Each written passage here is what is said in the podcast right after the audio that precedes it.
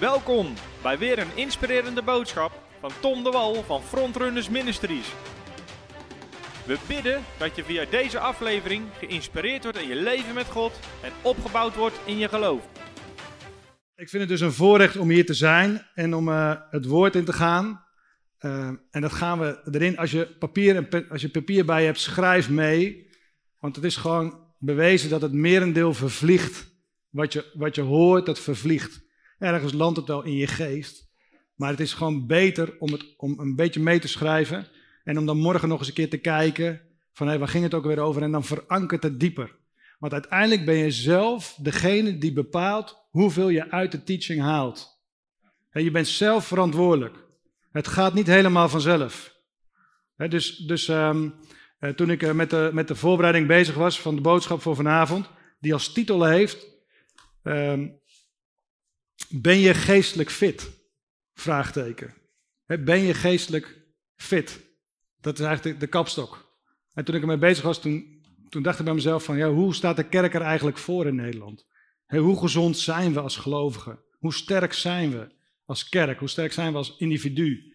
En ik moet je zeggen dat ik daar wel een klein beetje uh, sceptisch over ben. Ik ben wel een klein beetje bezorgd. En dat komt omdat we in Nederland te maken hebben met een ongelooflijke comfort. We zitten gewoon in een, in een, in een, in een plusje stoel. En dat is gewoon heerlijk om in te zitten, maar het is ook een ongelooflijk risico. En daarom ga ik vanavond misschien een beetje schuren. En misschien zeggen nou, nou, nou, maar dat maakt me niet uit, want uh, uh, het lekkere van hier spreken is dat, uh, kijk, dan kan ik, wat ik hier zeg, kan ik niet allemaal in de kerk zeggen. Ik spreek morgen in Zeewolde. Hè, en dan, dan ga ik ook gewoon door de geest geleid spreken. Dat, is, dat is het probleem niet. Alleen je moet dan toch meer balanceren. Je moet toch meer nadenken van oké, want kijk, die kom ik de week daarna ook weer tegen. En de week daarna ook weer. Hè? En dat is bij jullie niet zo. Als hier iemand zegt, nou die koelen wij joh, daar ben ik helemaal zat van. Als ik het al hoor, hè, uh, dus dat zou ik wel heel jammer vinden trouwens. maar goed, uh, aan de andere kant ook weer niet. Dus uh, ik, heb, ik heb het goede met je voor vanavond, maar we gaan wel gewoon zeggen waar het op staat. En dat ben ik wel van plan. omdat het je het meeste gaat brengen. En ik wil een kort gebed uitspreken en dan gaan we lekker het woord in. Vader, dank u wel voor deze groep mensen. Dank u wel, Vader, dat uw woord levend is en krachtig is en scherper is dan een tweesnijdend zwaard. Halleluja. Vader, ik dank u, Heer, dat we hier bij elkaar zijn om van u te ontvangen. Om uw woord te horen.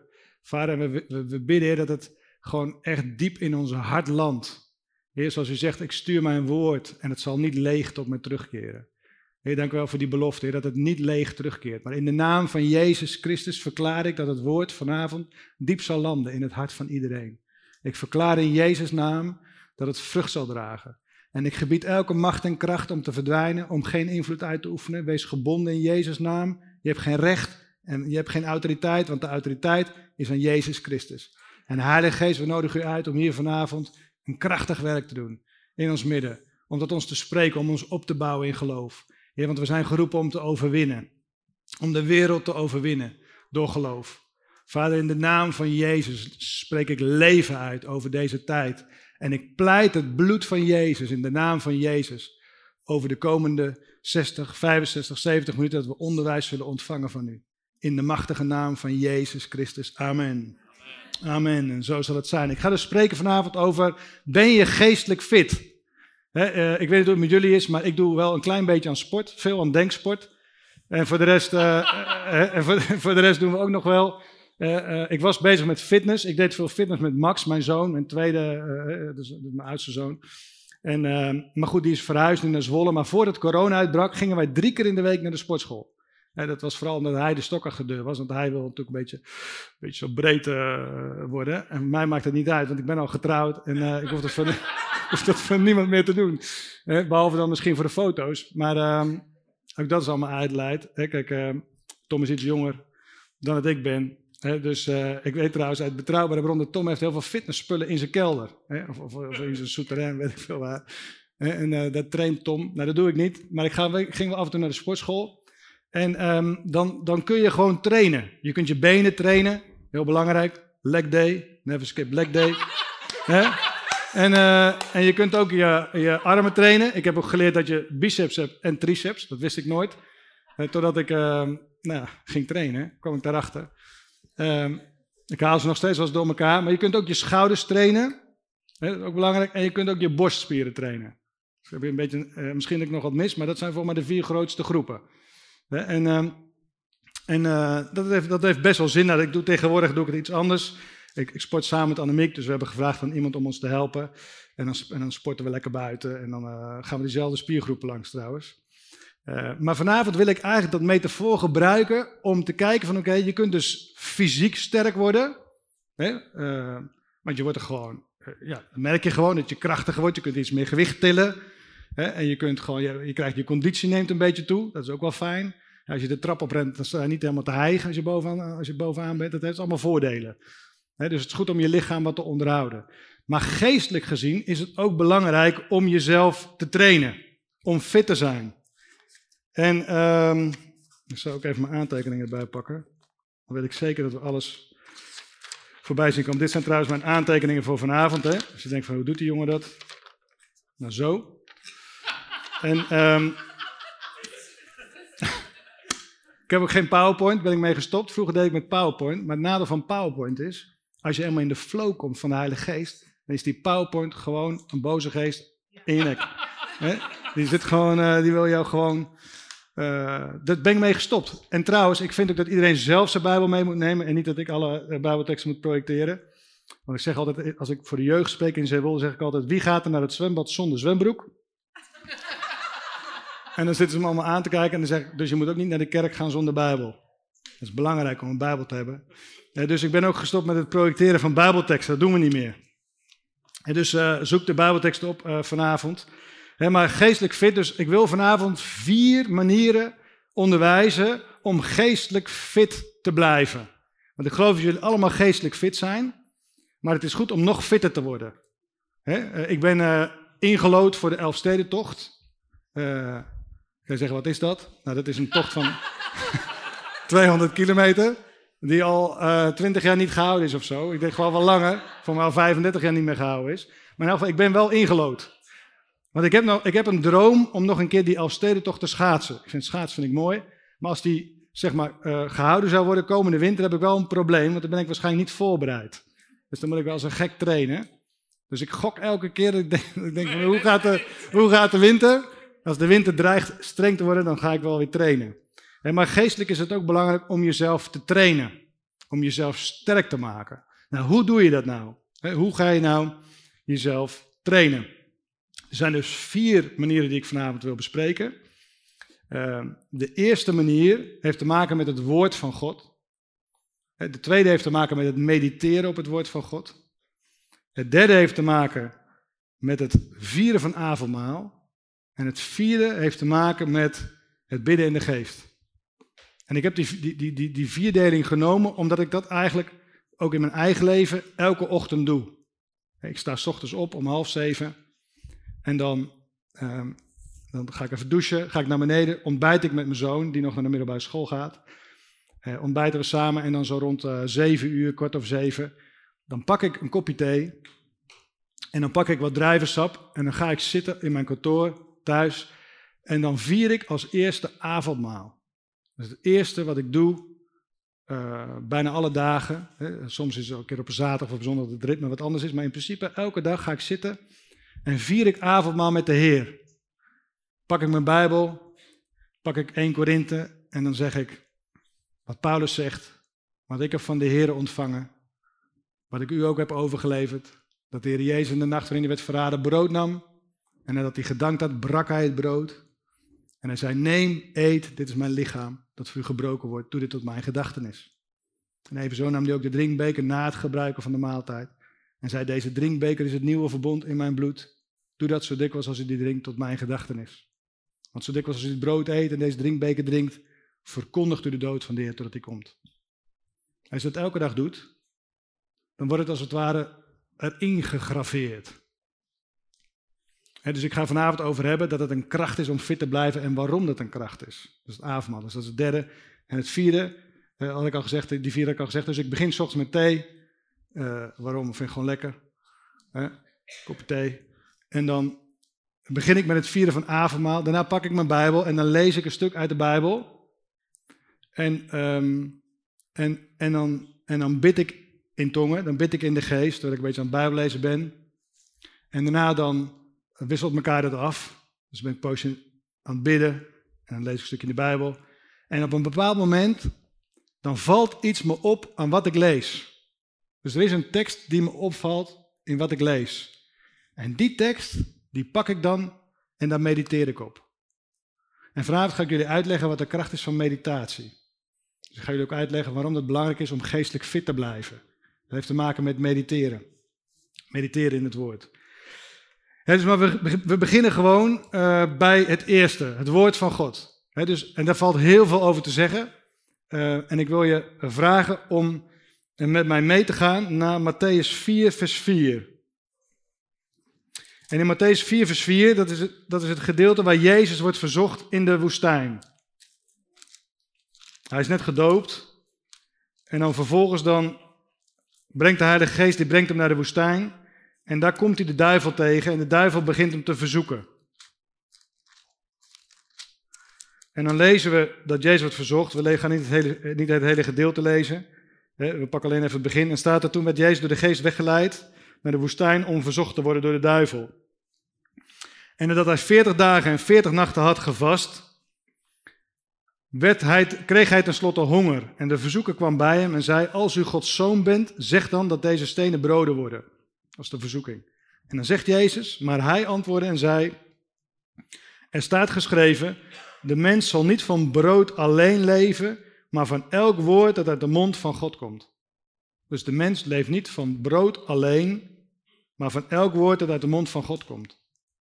wat Jezus hier zegt is van, je hebt in het natuurlijke eten en drinken nodig. Ik weet niet of jullie wel eens gevast hebben. Ik doe het heel, heel af en toe, want ik vind het eigenlijk echt helemaal niks. Ik, ik, ik ben er niet een grote, uh, ik zal niet te veel over zeggen, in dit huis natuurlijk. dus ik geloof in vasten, ik geloof absoluut, maar ik vind het, laat ik zo zeggen, ik vind het wel ingewikkeld. Maar als je vast, dan leer je in elk geval de stem van je lichaam kennen. En hoe hard die kan schreeuwen. Want die, die, gaat gewoon tekeer als je niet meer eet. dat alles, dat alles zegt van uh, eten, eten, eten. Dus als lichaam, als mens zijn wij gewoon geprogrammeerd om te eten. Wij moeten eten. Drie keer, vier keer, vijf keer, net, net wat je gewend bent. en dat is, daar draaien we op, daar leven we op. Dat is je natuurlijke mens, dat is je lichaam. Maar wij bestaan niet alleen uit een lichaam, we hebben een geest, een ziel en een lichaam. Drie delen. En je geest, je geest is wederom geboren als je Jezus hebt leren kennen, maar die geest van jou heeft voeding nodig. En als je je geest geen voeding geeft, dan verschrompelt die geest. Dan wordt die slap. Alleen dat kun je aan de buitenkant niet zien. Ik kan hier in deze zaal niet zien wie de geestelijke voeding nodig heeft omdat hij al heel lang droog staat. Ik hoop dat niemand het is, maar ik kan het in elk geval niet zien. Waarom niet? Omdat ik jullie zie met mijn natuurlijke ogen en dan, en dan zien jullie er aardig doorvoet uit. Ik heb niet het, niet, niet het idee dat jullie uh, vanavond niet gegeten hebben. Hè? Of uh, de afgelopen maand niet gegeten hebben. Geen witte bekjes. Hè? Allemaal gewoon, allemaal gewoon, uh, gewoon prima. Ik weet het wel, mijn dochter ging een keer bidden en vasten met Herman Boon tien dagen. Toen kwam ze thuis, toen zei ik, jongen, jongen, dat is wat. Het zag er wel een beetje bleek uit.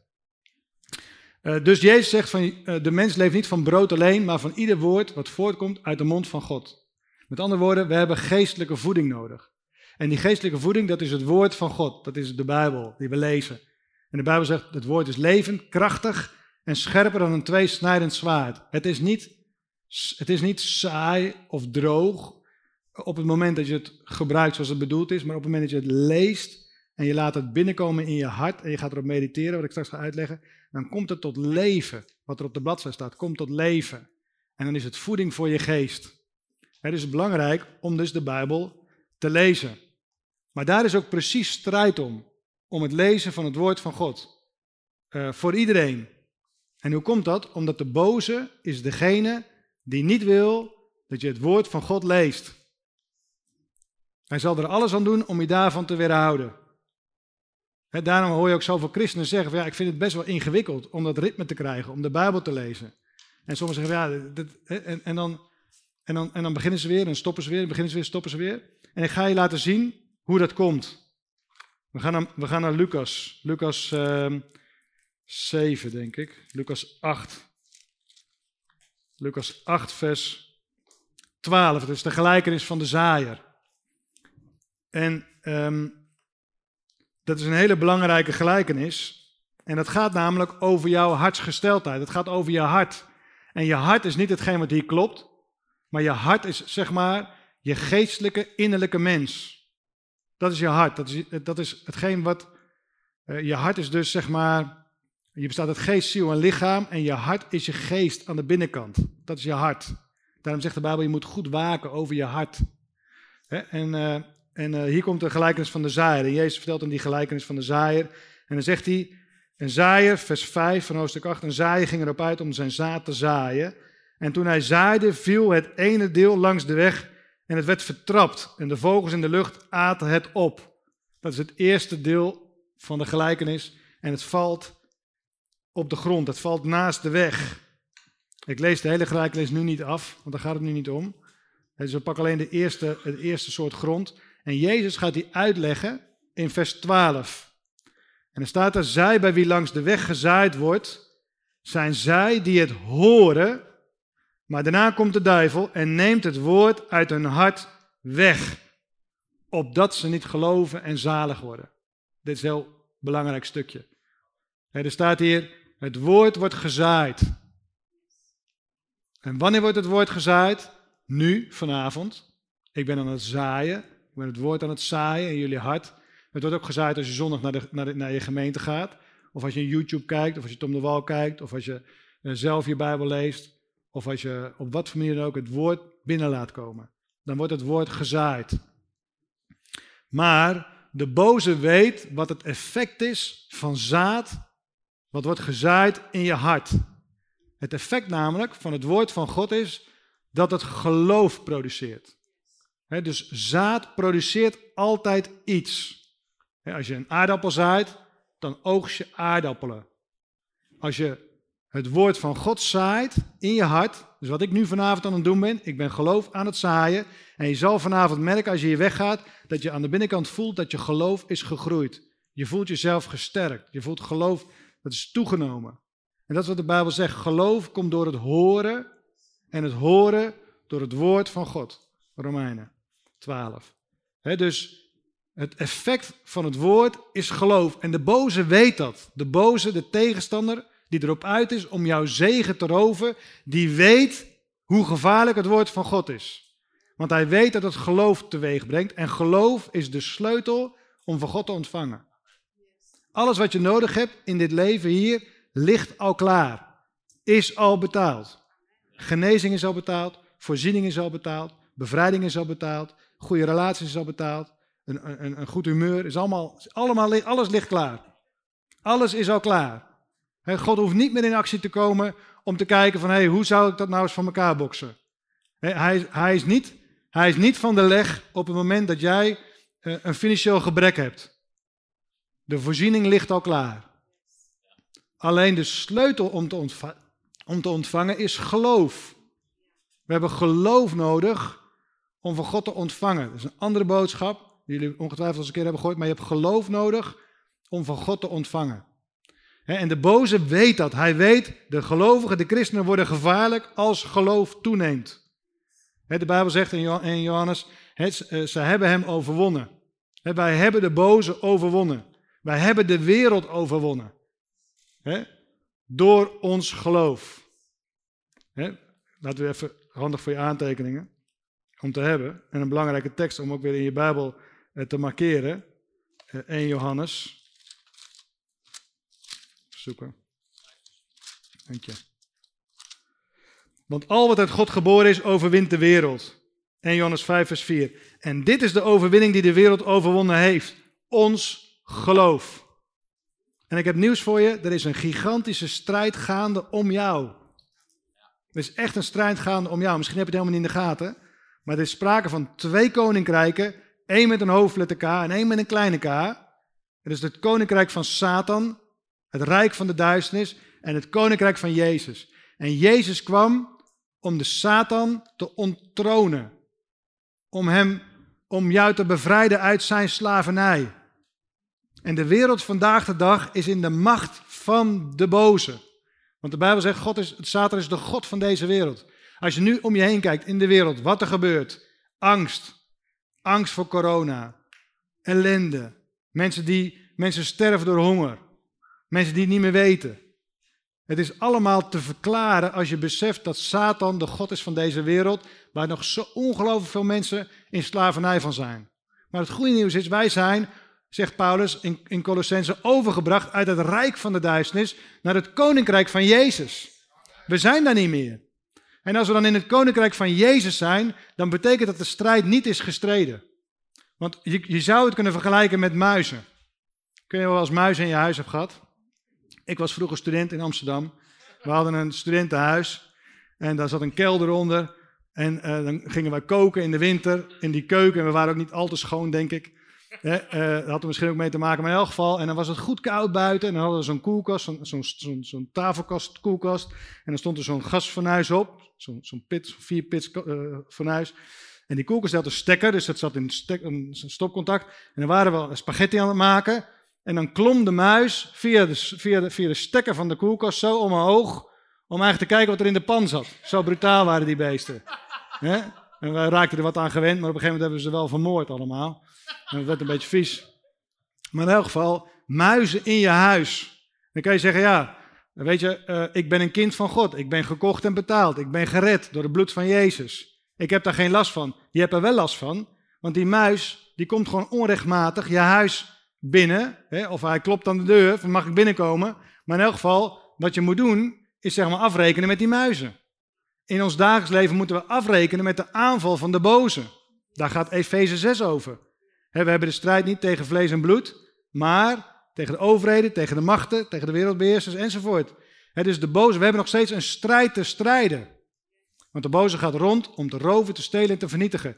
En de, de mensen in de wereld die hij al in zijn macht heeft, hoeft hij helemaal niet lastig te vallen. Die heeft hij al. Maar de kinderen van God, jij en ik, die gekocht en betaald zijn met het bloed van Jezus, hij wil jouw zegen roven.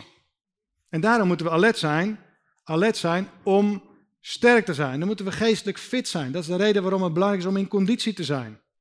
De Bijbel zegt, we, we worstelen niet tegen vlees en bloed, maar tegen geestelijke machten als, je, als je dat woordje worstelen neemt, komt uit de tijd van, van toen het geschreven werd. En als je dan keek hoe ze met elkaar aan het worstelen waren, dat ging op leven en dood. Dat is niet zeg maar het worstelen zoals wij dat hier doen. Oh ja, ik, weet trouwens niet helemaal of het in Nederland kan worstelen. Judo heb je dan een beetje en zo. En dan zie je van die uh, gladde Japanners uh, op tv uh, in de olie rollen.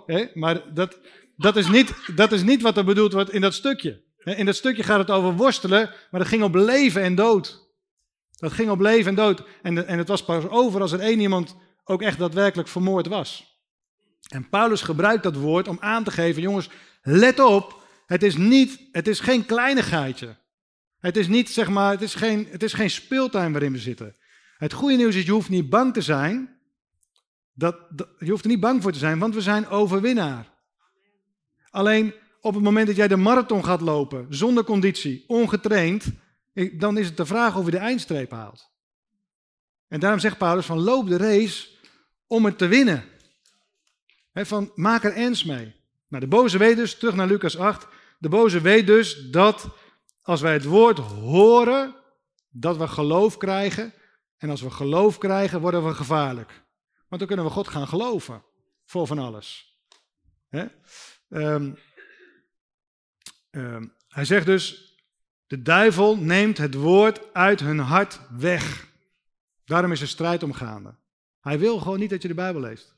Nog geen vijf minuten per dag. En wij zijn van nature helemaal niet geneigd om de Bijbel te lezen. Dat zit helemaal niet in ons. dus het vergt, het vergt een toewijding, een discipline, het vergt een commitment om te zeggen: ik ga dat doen. Waarom? Omdat er ongelooflijk veel verbonden zit met het lezen van het woord van God. Daar zit heel veel mee verbonden. Um, al, alle beloften in de Bijbel die God geeft, die zijn ja en amen. En die kunnen we in ontvangst nemen door het te omarmen. Dus stel, stel je hebt een financieel probleem. Hoeveel Bijbelteksten ken je dan om op te gaan staan? Om te omarmen? om te zeggen, hé, hey, wacht even. Want je hebt namelijk een bijbeltekst nodig, je hebt het woord van God nodig, om je geloof aan te kunnen vastklampen, aan te kunnen vastklikken. Als je geen bijbeltekst hebt, kan je nergens aan vastklikken. Dan heb je, als je moslim hebt, een gemeente waar mensen zijn die je kunnen helpen. En daar is ook niks mis mee, want we zijn allemaal ergens een keer begonnen. En, en, en, en er zijn situaties in je leven waarin je andere mensen nodig hebt. Dus daar is geen veroordeling voor. Je kunt in een situatie zitten waarin je zegt van, ik weet het even niet meer. En is het goed om iemand te bellen, of is het goed om, om hulp te krijgen of om een gebed te vragen. Maar als je opgroeit, naarmate je opgroeit, en hier zitten ook heel veel mensen die al, al opgegroeid zijn, dan is het belangrijk om jezelf de vraag te stellen, hey, als het gaat om genezing, hoeveel bijbelteksten ken ik dan die ik kan omarmen? Als het gaat om voorziening, hoeveel bijbelteksten ken ik dan die ik kan omarmen? Maar mijn God zal uit, uit de overvloed van zijn majesteit voorzien in alles wat u nodig hebt. Dat, is een, dat, is een, bijbeltekst om op te gaan staan. Hoeveel mensen weten het principe van zaaien en oogsten? geef en u zal gegeven worden. Een goede, geschudde, aangedrukte, overlopende maat zal men u in de, schoot geven. Dat is een tekst om te kennen. Want als je een tekst kent, als je een Bijbeltekst kent, dan kun je hem pakken en dan kun je erop gaan staan. Zo noem ik dat dan. Je gaat erop staan en je zegt: Vader, u zegt in uw woord dat u zult voorzien uit de overvloed van uw rijkdom. Ik heb een probleem, want ik kom nu tekort, maar ik geloof dat waar is wat u zegt. Want de Bijbel zegt dat u, dat u God bent en geen man dat u liegen zou. dus ik ga erop staan en ik ga u geloven dat u gaat doen wat u belooft. En in één keer begint dat geloof te groeien, want je pakt die Bijbeltekst, je pakt het woord en dan begint geloof te komen. En in één keer zie je die doorbraak komen, omdat je zeg maar bent gaan staan op die tekst. Maar als je de tekst niet weet, dan is het een beetje lastig. Want dan kun je nergens op gaan staan. Dat is wat hier staat. De Satan is erop uit om het woord uit je hart te roven. Dan geldt het voor jullie niet allemaal, anders zouden jullie op zaterdagavond niet zitten. Maar uh, het probleem is dat het in de kerk wel een issue is. Als je in de kerk vraagt, jongens, wie kan er op dit moment vijf Bijbelteksten gewoon noemen? Dan zul je schrikken hoeveel mensen het niet kunnen. En dat is niet goed. Dat is niet goed. Dat is goed om elkaar in aan te vuren, om elkaar in aan te moedigen. Nou, vervolgens, als je het woord van God dus wel hebt ontvangen, dus je hebt er wel naar geluisterd en je hebt het ook nog begrepen. Er staat in Matthäus, in Matthäus staat dezelfde gelijkenis, wordt dan uitgelegd. En dan staat er, uh, degene die het niet begrijpen, daar wordt het weggenomen. Het is ook nog belangrijk dat je het snapt. Dus daarom is, het zo, zo goed om te luisteren naar bijbelonderwijs van mensen die het woord uitleggen. Want dan denk je, begrijp je, denk je, oh, is dat het? Wordt dat ermee bedoeld? Nou, dan gaan we kijken van, als je dan het woord van God hebt ontvangen, dan is er nog één ander ding heel belangrijk en dat staat in Matthäus 7. In Matthäus 7, daar gaat het over de wijze en de dwaze bouwer. En dan staat er, vers 24, Matthäus 7, vers 24. Daarom, ieder die deze woorden van mij hoort en ze doet, die zal ik vergelijken met een verstandig man die zijn huis op de rots gebouwd heeft. En de slagregen viel neer en de waterstromen kwamen en de winden waaiden en stortten zich op het huis, maar het stortte niet in. Het huis stortte niet in, want het was op de rots gefundeerd. En ieder, en ieder die deze woorden van mij hoort en ze niet doet, zal met een dwaze man vergeleken worden die zijn huis op zand gebouwd heeft. En de slagregen viel neer en de waterstromen kwamen en de winden waaiden en sloegen tegen het huis en het stortte in en, en zijn val was groot. Dus je hebt het woord van God horen, maar hier staat dat het belangrijk is om het woord van God ook te doen. En iets horen en vervolgens ook doen, dat zijn twee verschillende dingen. dus ik kan tegen mijn kinderen zeggen, uh, jongens, ruim even de vaatwasser uit. Dus stel ik zeg tegen mijn jongste Tom, ruim even de vaatwasser uit. Ik kan een beetje voorstellen hoe het er aan toe gaat. Hè? Dan krijg ik gelijk een heel orkest. Ja, maar ik heb vanochtend al dit gedaan. En, uh, en uh, ik ben helemaal niet aan de beurt. En het is bij ons net een rechtbank. Het zijn allemaal advocaten in de dop. En ze kunnen enorme pleidooien houden. Maar in elk geval, stel nou dat hij zegt van nou dat is goed. He, dus hij heeft gehoord, hij heeft mij gehoord. Tom, je moet de vaatwasser leegmaken. Hij heeft mij gehoord, maar vervolgens doet hij het niet. Dat is niet waar je wil zijn. Jezus zegt hier, ieder die mijn woorden hoort en ze doet, zal ik vergelijken met een verstandig man die zijn huis op de rots gebouwd heeft. Dus iedereen heeft een huis. Jij hebt een huis, ik heb een huis. En je huis is eigenlijk je leven. Dat is je baan, dat zijn je kinderen, dat is je omgeving, dat zijn je vrienden. Dat is gewoon hoe je denkt, hoe je leeft, hoe je eet. Dat is gewoon helemaal wie je bent. En dan staat er, uh, de slagregen viel neer, de waterstromen kwamen en de winden waaiden. Het opvallende is dat het gebeurt niet alleen bij de rijk, eh, niet alleen bij de, bij de, bij de wijze man, maar ook bij de dwaze man. Met andere woorden, die stormen in je leven, die komen. Je kan zeggen, nou, dat gaat me niet gebeuren, maar dat is wel onderdeel van het leven. Waarom? We leven in een gebroken wereld waarin de boze probeert om jouw zegen te roven. Dus daarom, heb je, daarom krijg je te maken met stormen in je leven. Je hebt niet alles in de grip. Maar dan moet je geen punt zetten, maar een komma. En dan kom je op het punt van en dan? En dan zegt Jezus, degene die mijn woorden heeft gehoord en ze doet, zal ik vergelijken met de man die zijn huis op de rots gefundeerd heeft. En als die omstandigheden dan komen, als de boze dan komt om jouw zegen te roven, of als er dan dingen gebeuren waarvan je zegt van, hé, hey, hoe zit dat? als hier dan zeg maar in één keer een regenpijp breekt en de boel staat helemaal onder water. als dat er allemaal gebeurt, wat dan? Nou, dan stort het huis niet in. Jouw leven stort niet in. Waarom niet? Omdat het op de rots gefundeerd is, want je kent het woord en je doet het woord. Dus, om het heel concreet te maken, als morgen jou iets overkomt, als er iets gebeurt, je wordt ontslagen bij je werkgever, laten we dat voorbeeld nemen, corona, mensen allemaal, bedrijven, je bent uh, piloot bij KLM, Hè? Stond vandaag het FD, er gaan nog een paar mensen uit. Dus jij bent piloot bij KLM. En morgen kom je op Schiphol. En dan zeggen nou, jij gaat eruit. Dan kan je huis instorten. Je kan zeggen, oh, hoe moet dat nou? Mijn hypotheek, met dit, met dat. Waar vind ik een andere baan? De luchtvaart ligt op zijn gat. Ik kan alleen maar vliegen. Ik kan niks anders.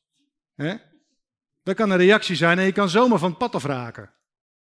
Maar op het moment dat je het woord kent en het woord ook doet, dan zeg je, nou, dat is ook wat. Dan ben ik mijn baan kwijt, maar goed, ik weet dat de Heer is mijn voorziener. De gunst van God is op mijn leven.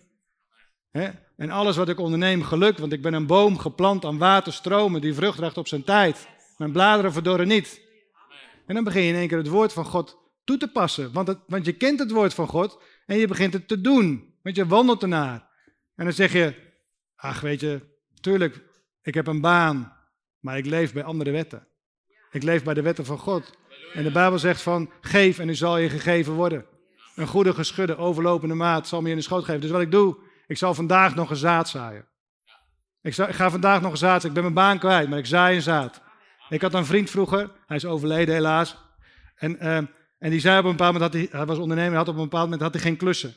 Hij zat al, zat een maandje thuis, gitaar te spelen en nummers te, te, te componeren en zo. En op een gegeven moment kwam hij bij me langs en zei, Michiel, weet je wat ik vandaag gedaan heb? Ik zeg, nee.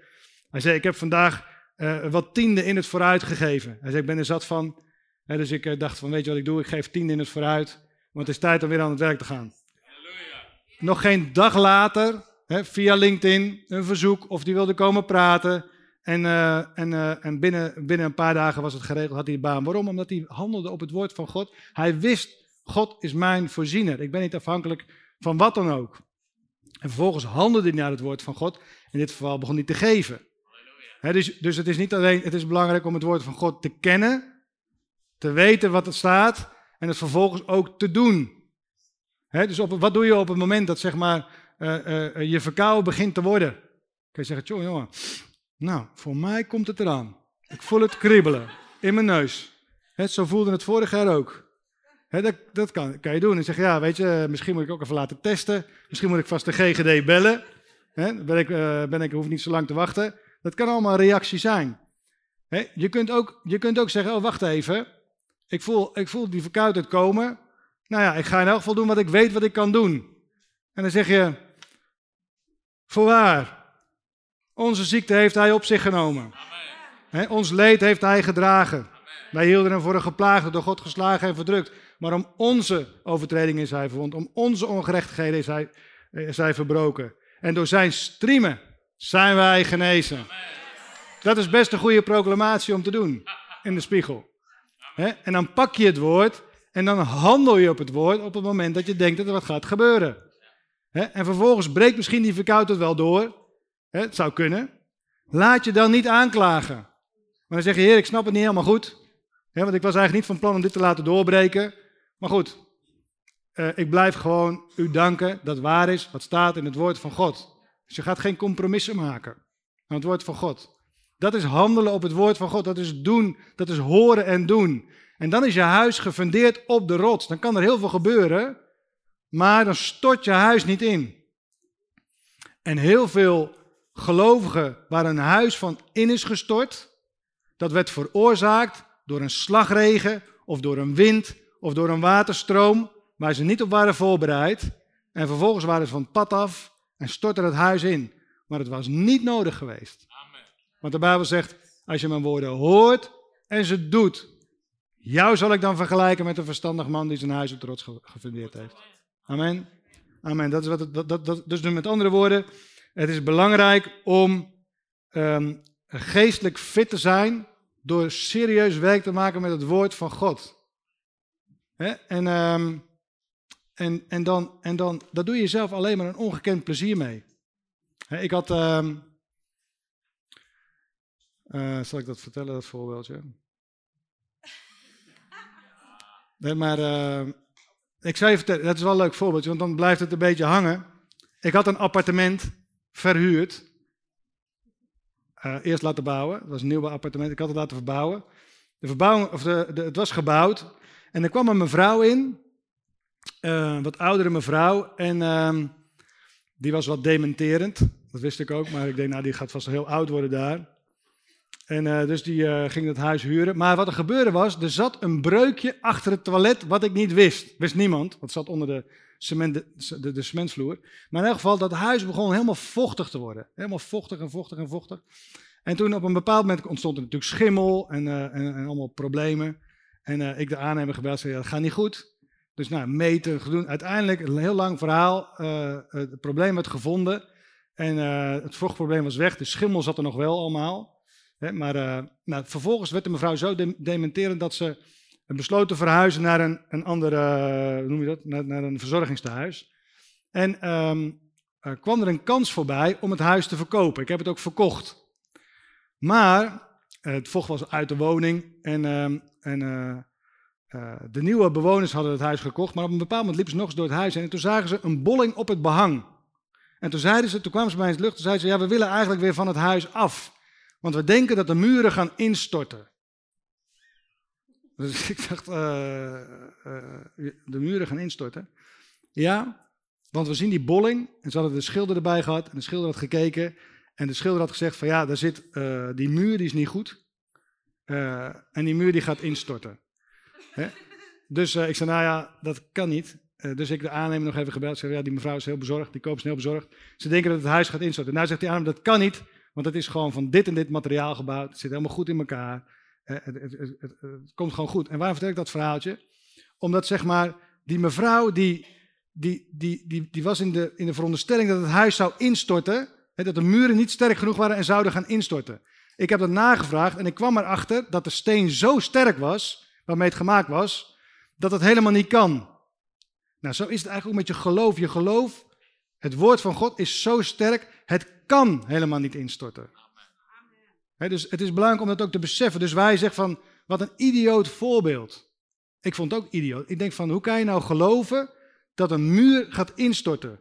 Maar zij wilden van de koop af, omdat ze dachten, de muur stort in, want er heeft vroeger vocht in gezeten. zo kun je ook zomaar uh, uh, uh, meegenomen worden in de gedachte van, ja, misschien kan mijn leven wel instorten. Maar dat kan niet. Als je het woord van God in je leven hebt, het kan niet instorten. Als je er ernst mee maakt. Maar het gaat niet vanzelf. Er is niemand die het woord van God bij jou naar binnen giet. Niemand. Ja, ik vanavond. Omdat je toevallig gekomen bent. Maar als je niet gekomen was, dan was het ook niet bij je naar binnen gekomen. Dus je moet wel een stap zetten. Dus een lang verhaal, we gaan afronden op dit eerste punt. Blijf geestelijk fit door het woord van God tot je te nemen. Al doe je het maar vijf minuten per dag of tien minuten per dag. maar maak er ernst mee om gewoon te weten wat staat waar. Lees het Nieuwe Testament, dat is, dat is het deel wat in elk geval voor jou is bedoeld. Hè? Uh, er zijn sommige geloven die zeggen, nou ik ga de hele Bijbel doorlezen. Ze beginnen in Genesis, dat gaat nog goed. Exodus, ook nog wel interessant. En dan komt uh, Leviticus. Nou, daar haakt iedereen op af. Hè? alle wetten en, en koeien en gaven, schapen en geiten en noem maar, maar op. Dan wil je helemaal, dat is, snap je? Dus ik, ik wil je aanmoedigen van, lees vooral het Nieuwe Testament dan. Hè? ik had laatst, toen ik dat in de kerk zag, was iemand, nou, nou, ik ben het niet met je eens, want jij zegt dat we de Bijbel niet meer moeten lezen. daarom is het zo lekker om hier te preken. maar, uh, uh, en dan zeggen mensen van, ja, en zegt, nee, dat heb ik niet gezegd. Ik heb gezegd van, maak eens met het Nieuwe Testament, want dat is in elk geval voor jou. lees dat, dat is in elk geval voor jou. Het tweede, we gaan naar het tweede. Als je het woord van God leest, dan is het belangrijk om het niet alleen te lezen, maar om ook te mediteren in het woord van God. Nou, wat is mediteren? Mediteren is hetgeen wat jou geestelijk een krachtpatser maakt. Mediteren is het grootste cadeau wat je jezelf kan geven. Als het gaat om geestelijke groei. Niets gaat sneller dan door meditatie. Nou, wat is mediteren? Mediteren betekent eigenlijk dat je neemt een gedeelte uit het woord van God en je laat het eigenlijk elke keer opnieuw door je hoofd heen rollen. Je, je, laat het, je herhaalt het elke keer. Waarbij het zeg maar belangrijk is om niet alleen met je intellect een tekst elke keer te herhalen, maar je zult merken naarmate je gaat mediteren, en we gaan het zo meteen doen, dus ik ga jullie helpen om het ook te doen, dan zul je merken dat het begint te landen naar je hart. Als het eenmaal in je hart zit, dan vergeet je die tekst ook niet meer. Sommige mensen zeggen, hoe, hoe doe je dat? Hoe kun jij die teksten allemaal uh, gebruiken, zonder dat je de Bijbel bij hebt? Dat heeft te maken met het meditatie dus als je, een, als je, op een tekst hebt gemediteerd, dan ken je hem, dan verankert hij zich in je hart. Daarom is het ook goed om, om een Bijbel te kiezen en bij je Bijbelvertaling te blijven. ik blijf bij de herziende statenvertaling. Uh, soms is het een beetje ingewikkeld. Als ik spreek, denk ik soms van misschien moet ik wel de Bijbel in gewone taal nemen. Maar aan de andere kant, ik ben thuis in deze Bijbel. Ik heb gemediteerd op deze teksten. Dus ik kan die teksten ook gebruiken als ik spreek. Sterker, de Heilige Geest kan het gebruiken. en dan rolt het eruit. Maar dat is voor jou ook. En je kunt hetzelfde doen als ik doe. Het is mediteren, er staat in de Bijbel in Jozua 1, laten we er even heen gaan. Jozua 1.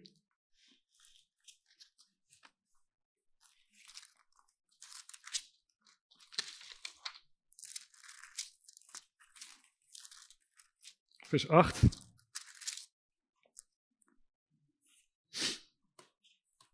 Jozua 1, vers 8. Dit boek met deze wet mag niet wijken uit uw mond, maar u moet er dag en nacht over denken, zodat u nauwlettend zult handelen overeenkomstig alles wat erin geschreven staat.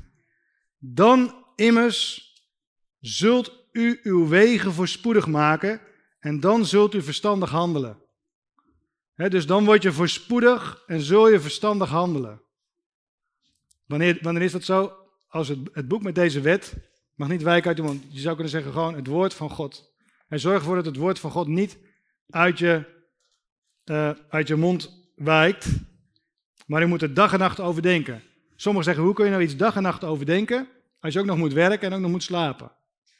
Nou, dat klopt ook. Dat kan niet.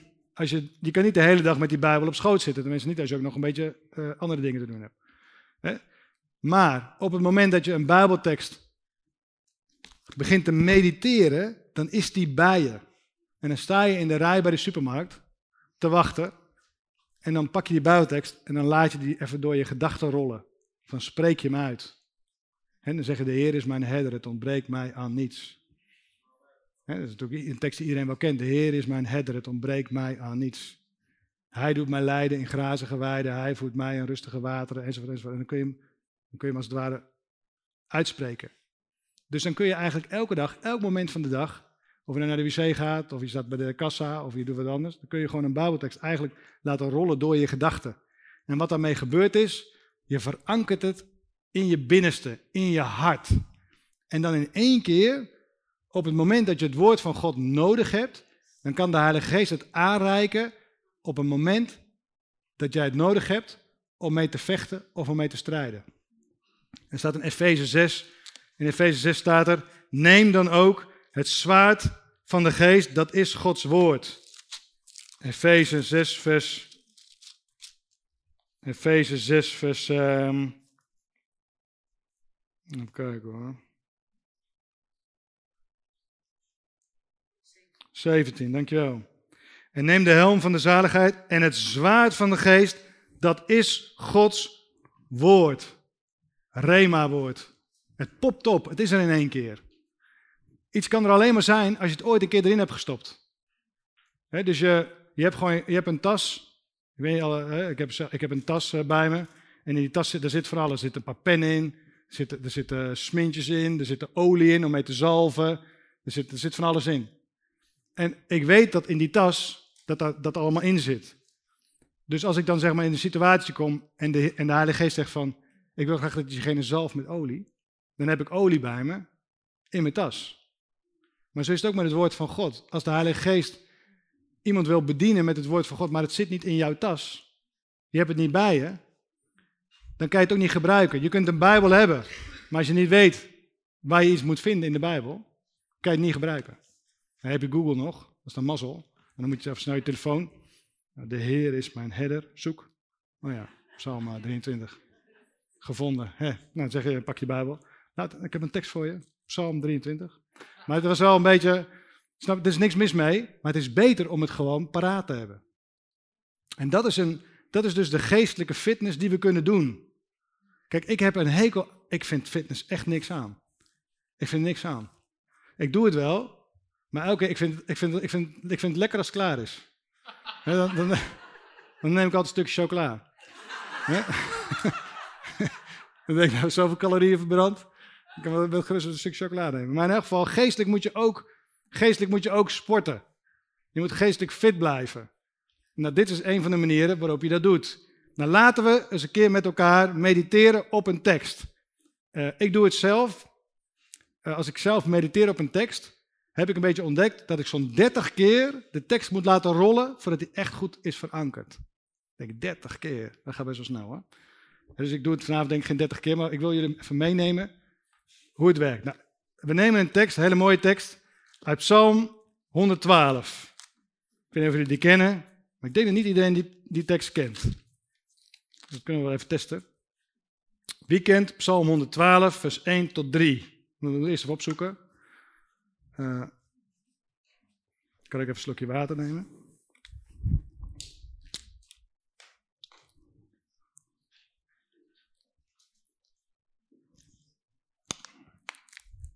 Alright. Hebben we allemaal Psalm 112 gevonden? Psalm 112 is 1 tot 3. Wie, wie zou deze tekst uit het hoofd nu kunnen opzeggen?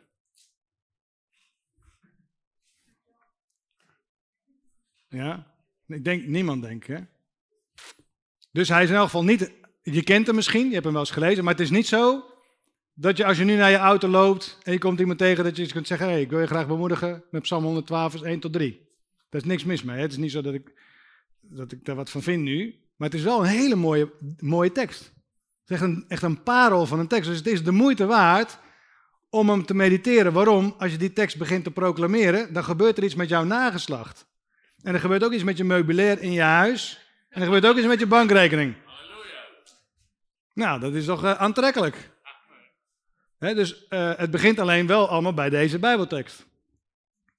Nou, het begint ermee, dat, ik doe me uit de herziene staatvertaling, er staat halleluja. Nou, dat is makkelijk te onthouden. Halleluja, uitroepteken, hè? Dat kunnen we allemaal nog wel onthouden. Halleluja. Halleluja, uitroepteken. En dan staat er, welzalig de man die de Heere vreest. Welzalig de man die de Heere vreest. Wat is welzalig?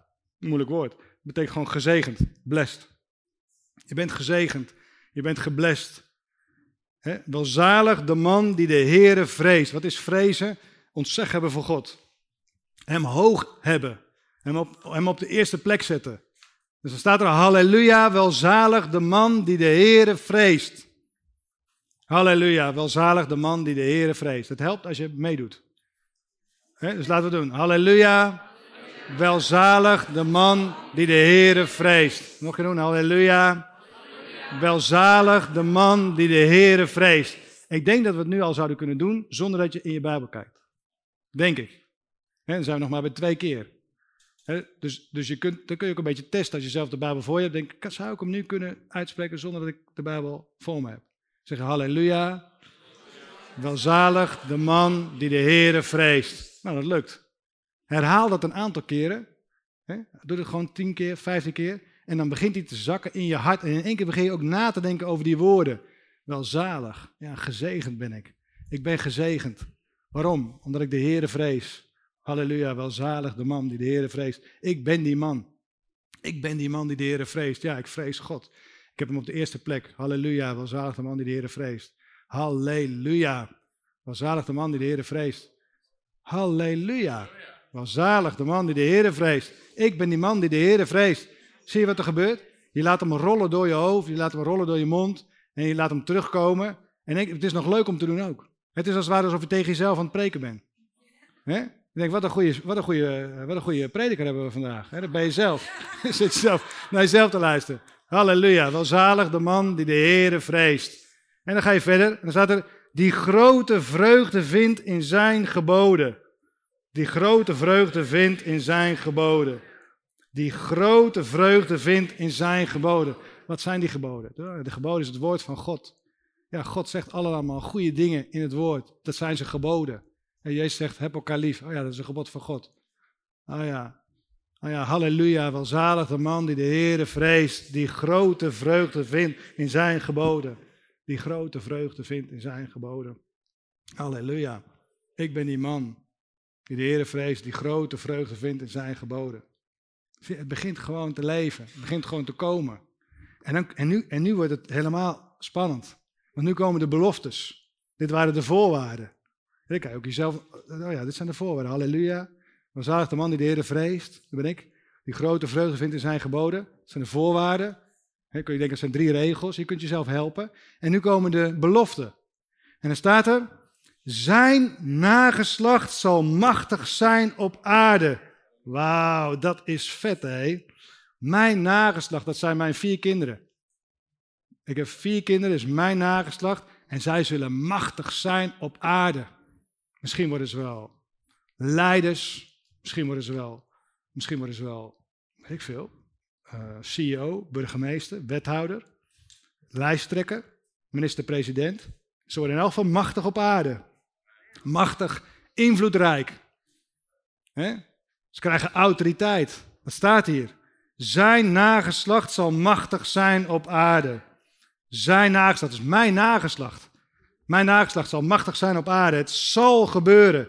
Het zal gebeuren. Zijn nageslacht zal machtig zijn op aarde. Zijn nageslacht zal machtig zijn op aarde. Machtig. Met autoriteit. Zijn nageslacht zal machtig zijn op aarde. Halleluja. Welzalig de man die de Heere vreest, die grote vreugde vindt in zijn geboden. Zijn nageslacht zal machtig zijn op aarde. En lees je verder, staat er, het geslacht van de oprechte, dus gaat het nog steeds over mijn nageslacht, het geslacht van de oprechte zal gezegend worden. Denk hey, dat valt me op. Het, ze zullen machtig zijn, het zal machtig zijn en ze zullen gezegend worden. Dat betekent woordje zal. Pak je een pen, dan cirkel je zal, zal, het zal gebeuren. Het is niet een kans dat het gaat gebeuren. Misschien, als de Heer het wil, Deo Valente, nee, er staat het zal gebeuren. Dus doe je twee strepen onder zal, het zal gebeuren. Zeg paar keer tegen jezelf, het zal gebeuren. En dan zeg je, zijn nageslacht zal machtig zijn op aarde. Het geslacht van de oprechte zal gezegend worden. Wat zouden die zegeningen zijn, denk je dan bij jezelf? Nou, gezondheid, voorspoed, ze zullen gezond zijn. Ze zullen voorspoedig zijn, ze zullen geen gebrek hebben. Er zal geen echtscheiding zijn. Er zal geen, zal geen depressie zijn. Er zal geen, zal geen, er zal geen verderf zijn. Er zullen geen gekke dingen gebeuren. Dan ga je erover denken. Zal gezegend zijn. Zal gezegend zijn. Mijn nageslacht zal gezegend zijn. Waarom eigenlijk? Oh ja, halleluja. Welzalig de man die de Heer vreest. Die grote vreugde vindt in zijn geboden. Oh ja, dat is de voorwaarde. Halleluja, dat ben ik. Halleluja, dat gaat God doen. God zal het geslacht van, van, mij machtig maken. En ze, zullen gezegend worden. En dan ga je verder, dan staat er, in zijn huis, dat is mijn huis. Want ik ben die man. Het is in mijn huis zal bezit en rijkdom zijn. Nou, wie wil dat nou niet? Halleluja. In mijn huis, in mijn huis zal bezit en rijkdom zijn. En sommigen zeggen van ja, die, die, die prosperity, die voorspoed is allemaal geestelijk. En Jezus ging aan het kruis. En zodat we, zodat, Jezus werd arm, zodat wij rijk gemaakt zijn. Ze zijn allemaal geestelijk. Nee, is niet zo. Dat is niet zo. Wij zijn voorspoedig gemaakt. God heeft een welbehagen in de voorspoed van zijn kinderen. En hier staat, in mijn huis zal bezit en rijkdom zijn. Dat betekent dat ik gewoon vier stoelen of zes stoelen en een tafel heb. En een sofa en een tv en een magnetron en een dit en een dat. Dat staat hier gewoon. Zal bezit en rijkdom zijn. Als God het belooft, dan is het aan ons om te zeggen, Heer, dank u wel. En daar kan je heel veel meer over zeggen. Want natuurlijk, je moet er niet in zwelgen. We zijn gemaakt om te geven. En er zijn allemaal hele andere boodschappen die, we, die je hier ook allemaal hoort. Maar waar het me nu even om gaat, is dat de Heer zegt: In zijn huis, in mijn huis, zal bezit en rijkdom zijn. Het zal zo zijn. Oh, mijn pen weer erbij. Zal. Zal gebeuren. is niet een vraagteken, niet misschien. Het is op zeker. In mijn huis zal bezit en rijkdom. Waarom eigenlijk? Halleluja. zalig de man die de Heer vreest die grote vreugde vindt in zijn geboden. En zo ben je aan het werk met die tekst om hem te mediteren, om hem te laten rollen. En er staat, en zijn gerechtigheid houdt voor eeuwig stand. Zijn gerechtigheid houdt voor eeuwig stand. En denk ja, ik ben een rechtvaardige. Waarom? Ik ben gekocht en betaald. Wij zijn dus gerechtvaardigd door geloof en leven in vrede met God door onze Heer Jezus Christus. Dat is een tekst die je al een keer eerder hebt gemediteerd, bijvoorbeeld. En dan zeg je, oh ja, dat is Romeinen. Dat is Romeinen. Wij zijn gerechtvaardigd door geloof. En leven in vrede met God. Ik heb vrede met God. En in één keer maak je de verbinding met deze tekst. En dan, en dan zie je, zijn gerechtigheid houdt voor eeuwig stand. Ja, ik ben een rechtvaardige. En het blijft zo. Het gaat niet veranderen. Want ik ben gerechtvaardigd door geloof. En daarom blijft het zo. Het houdt voor eeuwig stand. En in één keer, als je daarmee bezig bent, en dan ben je zo'n tien minuutjes verder, een kwartiertje verder, dan denk je mezelf, wauw, wat een tekst. Je schrijft hem even op een blaadje voor jezelf, je stopt hem in je broekzak. Want namelijk na een kwartier of na een half uur, dan denk je, hoe zat het ook weer? Hoe begon het ook alweer? En dan pak je blaadje en oh ja, natuurlijk, halleluja. Dan zalig de man die, de, hè, enzovoort. Dus, dus je hebt nog even een hulpmiddel. Maar naarmate je het langer en langer doet, dan, dan wordt het bagage in je tas. En dan in één keer dan sta je met iemand te praten. En dan zegt iemand van ja, ik maak me echt zorgen over mijn kinderen. Ik maak me zorgen over of het wel goed met ze gaat. En dan, popt het op, dan zegt de Heilige Geest tegen jouw geest. Bemoedig diegene met Psalm 112. En zeg je, hé, hey, weet je, ik heb het idee dat de Heer tegen jou wil zeggen. Je nageslacht zal machtig zijn op aarde. En het geslacht van de oprechte wordt gezegend. Dat zegt de Heer tegen jou. En diegene, in één keer wordt diegene geraakt. Waarom? Het is het Rema-woord. Het is het woord van de Heer wat, wat, is, een zwaard is op het moment dat diegene aangevallen, aangeklaagd wordt door de boze. En jij komt te hulp met je zwaard, met het Rema-woord, wat al in jouw bagage zat. Daarom is meditatie zo belangrijk. En je kunt het doen in je leven voor jezelf en voor anderen.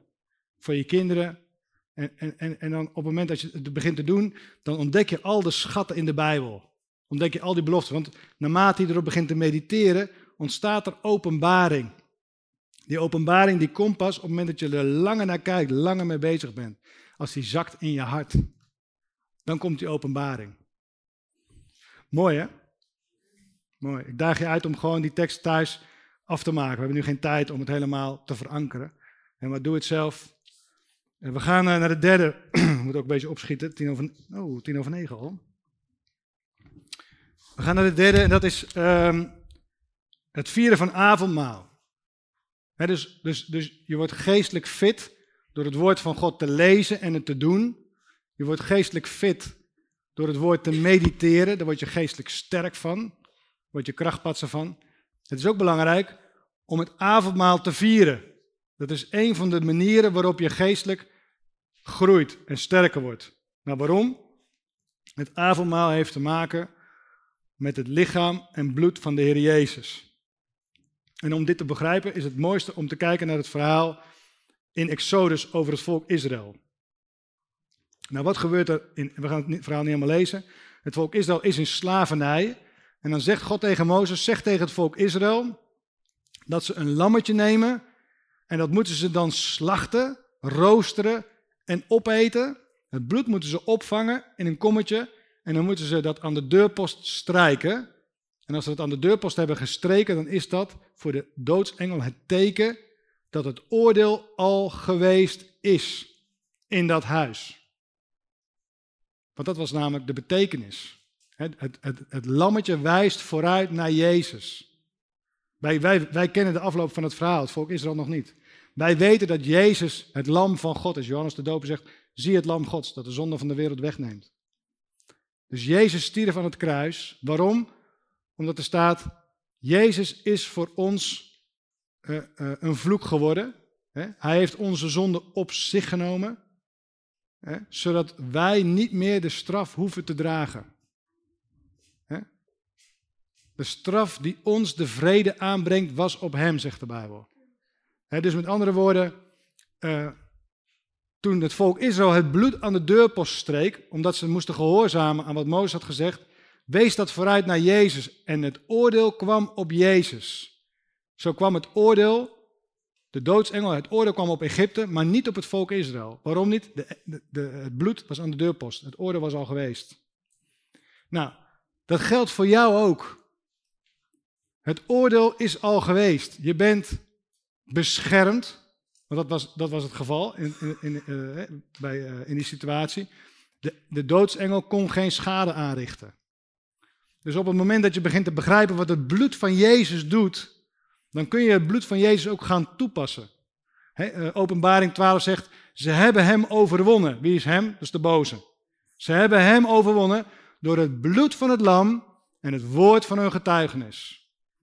Dus je kunt het bloed nemen en het aanbrengen op jouw leven of op de situatie waarin we zitten. Ik begon, ik begon uh, de boodschap door te bidden en toen zei ik, in de naam van Jezus pleit ik het bloed over deze meeting om daarmee de boel ook te beschermen. Mezelf te beschermen en de samenkomst te beschermen. Dat is wat het bloed van Jezus doet. als we avondmaal vieren, dan, dan haken we in op het bloed van Jezus. We haken in op de bescherming in het bloed. We haken in op het verbond wat we hebben met God. Superkrachtig. superkrachtig. Als we kijken naar het, naar het, naar het uh, brood, het brood is het beeld van genezing. Van fit zijn, van lichamelijk fit zijn. En dan zie je dat, uh, dan zie je dat het volk Israël werd verlost. En dan staat, en ze gingen weg. En in Psalm 105 staat, en er was niemand die struikelde. Iedereen was fit. Iedereen was gezond. Dus waarom vieren we avondmaal? We vieren avondmaal omdat we een aanspraak willen maken op het bloed van Jezus en omdat we, geestelijk, omdat we lichamelijk fit willen zijn. Ik ontmoette een, iemand een, een, vier jaar geleden en hij was, uh, ik doe even voorbeeldje tussendoor, want ik merk dat we een beetje uh, slaperig worden. Ik ook. Uh, misschien niet zoveel zuurstof in de lucht, ik weet het niet. Maar in ik doe even een voorbeeldje, want dan worden we een beetje wakker weer. Uh, een stewardess, of hoe noem je een mannelijke steward? Een steward zeker, hè? Ja. Is dat zo? Een steward. Mannelijk, ik kan alleen maar vrouwelijk steward.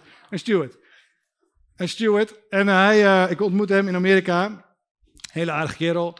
En, uh, en uh, hij vertelde mij uh, toen we aan het lunchen waren, vertelde mij een verhaal over het bloed van Jezus. Hij zei, ik was onderweg met de crew en die piloot die gaf op een gegeven moment door dat ze een probleem hadden met het landingsgestel. Dus ze waren, de landing was ingezet, alleen het landingsgestel wilde niet meer uitgaan. Het landingsgestel, dat deed het niet meer. En toen uh, raakte iedereen toch een beetje in paniek, want zonder landingsgestel is het een beetje moeilijk landen. En um, dus, dus die stewardessen en die steward die, die, werden een beetje ongemakkelijk. Die piloot die werd, uh, die werd ook onrustig. En toen op een bepaald moment zei een van die collega's van die steward, uh, die zei, jij bent toch een gelovige? Kun jij niet bidden? Hij zei, ja, dat kan ik wel. Dus hij zei, kom, allemaal bij elkaar. Dus die hele bemanning, behalve die piloot een stuk vliegen, die kwamen, die kwamen bij elkaar. En hij bad een heel kort gebed. Dus hij zei, vader, in de naam van Jezus pleit ik het bloed van Jezus over het landingsgestel. En ik gebied in de naam van Jezus dat het landingsgestel zal werken. Amen. Dat was zijn gebed. En binnen 20 tot 30 seconden kwam de bericht uit de cockpit dat het landingsgestel uit, uh, uitgekomen, hoe noem het? Naar beneden gekomen was. om aan te geven, en, en zo zijn er voorbeeld na voorbeeld na voorbeeld, wat er zit in de kracht van het bloed van Jezus. Is ongekend. Ongekend krachtig. Ehm, dus ik wil je uitdagen om avondmaal te vieren, niet alleen op zondag, één keer in de drie weken in je kerk, maar koop gewoon een pak drijversap, koop matzes en vier avondmaal met je, met je kinderen. Doe, doe het op zondagochtend als je gaat, lekker gaat ontbijten met croissants of weet wat. maar vier ook avondmaal dan. wij doen het op zondagochtend en het is een soort, dat, dat, dat slijt erin dan. En op een bepaald moment uh, kunnen die kinderen het zelf doen. Je kinderen kunnen dan zelf avondmaal bedienen. Dus dan doet die ene, dan doet de andere het. En zij, zij, in het begin begrijpen ze niet. Halen ze brood door elkaar, wijn, weten ze de betekenis niet van brood, weten ze de betekenis niet van wijn, halen ze door elkaar heen, al die dingen meer. Maar naarmate hij het elke keer herhaalt, is ook wat de Joden doen op uh, Shabbat. De, Joden, de, Joden, doen het met hun gezin, ze zegenen hun kinderen. Het is een soort ritueel als het ware. En dat, dat slijt erin. Het is elke week hetzelfde. Maar als je, als je, daar is niks mis mee. Daar zitten goede elementen in. Dus door dat te doen met je kinderen, leer je ze de betekenis van het avondmaal en van het bloed van Jezus. Dus dat vierde om geestelijk fit te zijn. We gaan afronden. We gaan naar de laatste. En dat is bidden in de geest. 1 Korinthe 14. Wil ik je mee naartoe nemen. 1 Korinthe 14. En er staat er. Jaag de liefde na en streef naar de geestelijke gaven en vooral daarna dat u mag profiteren. Wie namelijk in een andere taal spreekt, spreekt niet tot mensen, maar tot God. Want niemand begrijpt het, maar in zijn geest spreekt hij geheimenissen. Dat gaat over tongentaal. Het tongentaal is de taal van de geest die je ontvangt op het moment dat je wordt gedoopt met de Heilige Geest.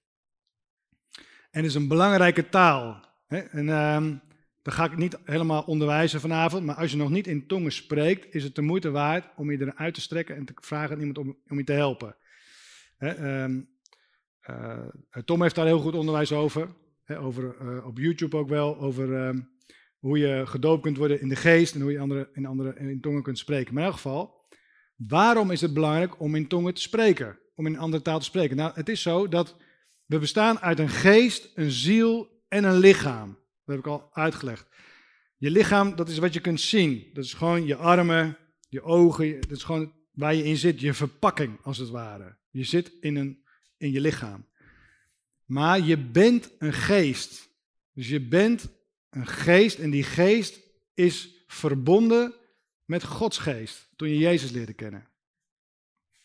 Nou, op het moment dat je in tongen gaat bidden, dus je begint te spreken in tongen, dan verbindt jouw geest zich eigenlijk, het is eigenlijk de taal van de geest, waarmee je met God kunt communiceren zonder dat je zelf iets van begrijpt. dus het is jouw geest die, die aan het bidden is. geïnspireerd door de Heilige Geest, maar het is jouw geest die aan het bidden is en een verbinding maakt met God. En daarom is het zo krachtig, want het is, het is zeg maar, het is, het is de taal uh, die, die je zelf niet begrijpt, maar je spreekt tot God, staat hier. In zijn geest spreekt hij geheimenissen. Dus je, je kunt dingen uitbidden eh, waarvan je helemaal niet weet dat je ze aan het uitbidden bent. En dan staat er in vers 4, wie in een andere taal spreekt, bouwt zichzelf op. Ik weet dat jullie wel een telefoon. Het is heel vervelend als die telefoon leeg is. Aan het eind zit je dan even op de batterijzuinige stand. Hè? En dan, maar op een gegeven moment dan stopt hij ermee. Telefoon leeg. En dan moet je hem aan de oplader leggen. En dan duurt het even. En dan laat het ding weer helemaal op. Totdat het 100% is. En, en we doen, iedereen doet dat natuurlijk als je naar bed gaat, leg je je telefoon in de oplader. Dat vinden we allemaal heel normaal. Want je moet je telefoon opladen, anders heb je niks aan. Met je geest, je geest kun je ook opladen, jezelf opbouwen, door te bidden in de geest. En je kunt dat zelf besluiten om te gaan doen. Als je in de auto zit, of maakt niet uit. Tijdens de aanbidding, aanbidding was superkrachtig. Echt zo heerlijk om, te, om God te aanbidden. En dan, en, dan, en, dan, en dan bidden we ook in tongen. En we, we zingen in tongen, we spreken in tongen. En dan gaat als het ware, je geest verbindt zich met Gods geest. En dat is krachtig om te doen. Het is ook een aanvalswapen. want op het moment dat je zeg maar, in een situatie komt dat je wijsheid nodig hebt, is een van de beste dingen die je kunt doen, bidden in tongen. Je staat voor een belangrijke keus. Moet je het huis wel kopen, moet je het huis niet kopen? Moet je de baan wel nemen, moet je de baan niet nemen? Hey, uh, maakt niet uit welke beslissing het is. De grootste, de grootste heel vaak worden er, worden er fouten gemaakt. Of, of zijn de gelovigen zeggen, ja, ik begrijp er helemaal niks van dat dat heeft kunnen gebeuren. Maar het begint heel vaak met een verkeerde beslissing die we nemen vanuit het natuurlijke. En er was een ondernemer en die ondernemer die had bijna geen opleiding, maar hij was schat, schat, schat, hemeltje rijk. Toen werd hij geïnterviewd en toen werd er gevraagd, hoe komt het dat jij zo rijk bent? Toen zei hij, ik maak geen fouten. En toen zei die interviewer, je maakt geen fouten, wat bedoel je? Hij zei, nou, zei als je geen fouten maakt, verlies je geen geld. Ja, zegt de interviewer, dat snap ik. Als je, geen fouten maakt, dan verlies je geen geld. Maar hoe komt het nou dat je geen fouten maakt? Hij zei, nou, zegt hij, elke keer als ik een investeringskans voorbij zie komen, of, ik, of het wordt me aangediend, zegt hij, dan is er altijd een eerste reactie uh, gewoon in mij. Ik word enthousiast of ik vind het niks. Dat is gewoon hoe ik, hoe ik reageer vanuit het natuurlijke. Ik denk van, oh wauw, dat is een kans. Hè. Ik kan investeren in dat, dat kan wel goed renderen. Hij zei, maar ik heb geleerd om daar niet op af te gaan. Hij zei, wat ik dan doe is, ik trek mezelf terug, ik ga God zoeken, ik ga in tongen bidden en dan luister ik wat de Heer zegt. En dan zegt de Heer, dan zegt de Heer wel doen of de Heer zegt niet doen. Hij zegt, en ik heb geleerd om net zo lang te wachten tot ik hoor wat de Heer zegt. En als hij zegt, doe het, dan doe ik het. En sindsdien maak ik geen fouten meer. Dat is zijn getuigenis. Maar dit is voor ons allemaal. dus wij hebben toegang tot de wijsheid van God, die al in ons is. En, en, de, en de, de tool is om, uh, om, om het te horen, om het te ontvangen. Maar hoe doe je dat eigenlijk? Heel, heel, veel, heel veel gelovigen vinden het ingewikkeld. Van, hoe luister je nou naar de stem van de Heer? Hoe doe je dat? En dat kan ook heel ingewikkeld zijn soms. Maar er is één hele veilige manier om met die dingen om te gaan. Is dat je neemt de tijd om God te zoeken. Om eigenlijk in tongen te bidden. En je blijft in tongen bidden. En op een bepaald moment merk je, dan krijg je een overtuiging aan de binnenkant. En dan weet je dat je weet dat je weet dat je iets moet doen of dat je iets niet moet doen. En dan heb je nog niet eens echt een stem gehoord. Je hebt niet eens echt iets ontvangen, maar toch weet je het. Je weet, hé, hey, dit, dit klopt. Of dit is, je, hebt, je hebt een overtuiging eigenlijk. En dat is, wat, dat is wat bidden in de geest doet. Dus ik wil je uitdagen om daarmee aan de slag te gaan. Dus uh, uh, samengevat, als je nou naar huis gaat en denkt, waar ging het over? Wat je niet hebt meegeschreven en je wilt toch nog morgen wel uh, onthouden. Het ging erover dat je geestelijk in conditie moet blijven. Geestelijk fit moet zijn, sterk moet zijn, anders kan je de Elfsteden toch niet uitfietsen, uitschaatsen. Je kan hem ook fietsen, trouwens. Ja, ja. Nou, er zijn, er zijn vier manieren. Ik heb vier manieren, van, ik heb vier manieren verteld waarop je geestelijk sterk wil zijn. De eerste is, neem het woord van God en doe het woord van God. Neem het woord van God, doe het woord van God. Dat is de eerste. De tweede is, mediteer op het woord van God. De derde is, vier avondmaal. Niet één keer in de drie weken, doe het gewoon elke dag. Elke ochtend, voordat je, uh, voordat je naar je werk gaat. En de vierde is, spreek in tongen, want dan laat je jezelf op. Amen. Amen. Zullen we gaan staan, dan ga ik nog een zegen over jullie uitspreken.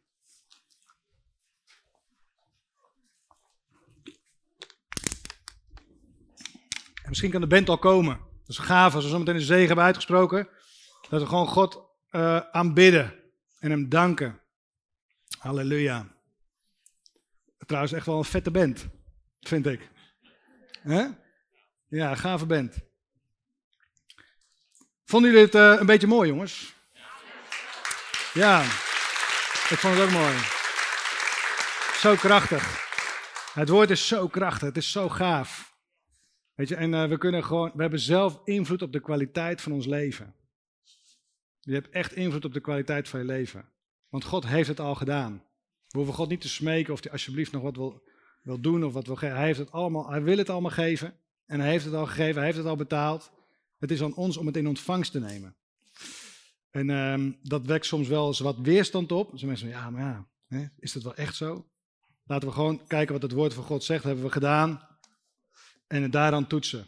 Ik ga een zegen over jullie uitspreken. Uh, uh, dood en leven zijn in de macht van de tong, zegt de Bijbel. Als ik woorden van leven en zegen over je uitspreek, ontvang het dan als van God. He? Want God wil je overladen. Hij wil, als het ware, ik zie het ook in de geest. Hij wil, hij wil, hij wil die, die olie over je heen gieten. En dat het over je heen druipt. En dat het gewoon effect heeft, het blijft aan je kleven. Vader, in de naam van Jezus Christus spreek ik leven uit over deze groep, over uw kinderen. Ik spreek leven uit, ook over alle kijkers die kijken via de livestream. Wees gezegend in Jezus' machtige naam. Ik pleit het bloed van Jezus over jullie allemaal, over jullie huizen, over jullie kinderen, over jullie banen, over jullie bedrijven, over jullie families. In Jezus' naam pleit ik het bloed van Jezus, de bescherming van God. Vader, ik dank u voor uw engelen, die ons beschermen. Ik dank u voor uw voorziening, die er altijd zal zijn. In de naam van Jezus erkennen we u als onze voorziener. U bent onze bron van overvloed. We prijzen u ervoor, we danken u ervoor en we nemen het in ontvangst. Vader, u bent onze, onze geneesheer. In de naam van Jezus spreek ik gezondheid over jullie uit. Dank u Jezus dat u het betaalt aan het kruis van Golgotha. Vader, we nemen het in ontvangst. In de naam van Jezus. Vader, we danken u voor overvloed. Dank u wel dat er bezit en rijkdom zal zijn in ons huis. Halleluja. Dank u wel, Heer, dat u de God bent die regeert. U bent de God van Abraham, van Isaac, van Jacob en van ons. We hebben een verbond met de Allerhoogste. We zijn gekocht en betaald. En we danken u ervoor. We zijn overgebracht uit het rijk van de duisternis naar het, naar, naar, naar het koninkrijk van Jezus. Vader, we danken u en we prijzen u. We brengen u de lof en de eer. Vader, we zijn uw kinderen. We zijn uw erfgenamen. En ik zegen jullie. Dat jullie zullen merken dat de gunst van God op je leven is. Zoals de gunst van God was op Jozef. En op Jezus. En op Boas. En op Abraham. En op Isaac. En op Salomo. Zo zal de gunst en de zegen van God op ons zijn. Want Jezus heeft het betaald. Ik zegen jullie met overvloed, met gezondheid, met doorbraken. In de naam van Jezus Christus. Ik zegen jullie nageslacht op grond van het woord van God, waar staat: Jullie nageslacht zal gezegend zijn. Ze zullen machtig zijn en invloedrijk zijn op aarde. Ik zegen onze kinderen als nieuwe leiders van dit land. En vader, we prijzen u en danken u. En in de naam van Jezus proclameer ik dat het woord wat is gesproken niet leeg zal terugkeren, maar dat het zal doen waartoe u het gezonden heeft. Halleluja. In de naam van Jezus Christus. Amen. Halleluja. Hallo, Tom de Wol hier en bedankt dat je weer geluisterd hebt naar onze podcast. Ik bid dat het je geloof gebouwd heeft en je bemoedigd bent. Als je niet alleen een luisteraar van onze boodschap wil zijn, maar ook een verspreider daarvan, wil ik je uitnodigen om partner te worden van Frontrunners. Door jouw maandelijkse donatie help je ons om dit evangelie van Jezus Christus en het woord van God over heel de aarde te brengen. Om partner te worden, ga naar www.frontrunnersministries.nl slash partners en word partner. Hartelijk bedankt en tot snel. Heb je ook zo genoten van deze inspirerende boodschap van Tom de Wal? Abonneer je dan op deze podcast. Volg ons op Facebook en op Instagram en kijk op onze website frontrunnersministries.nl.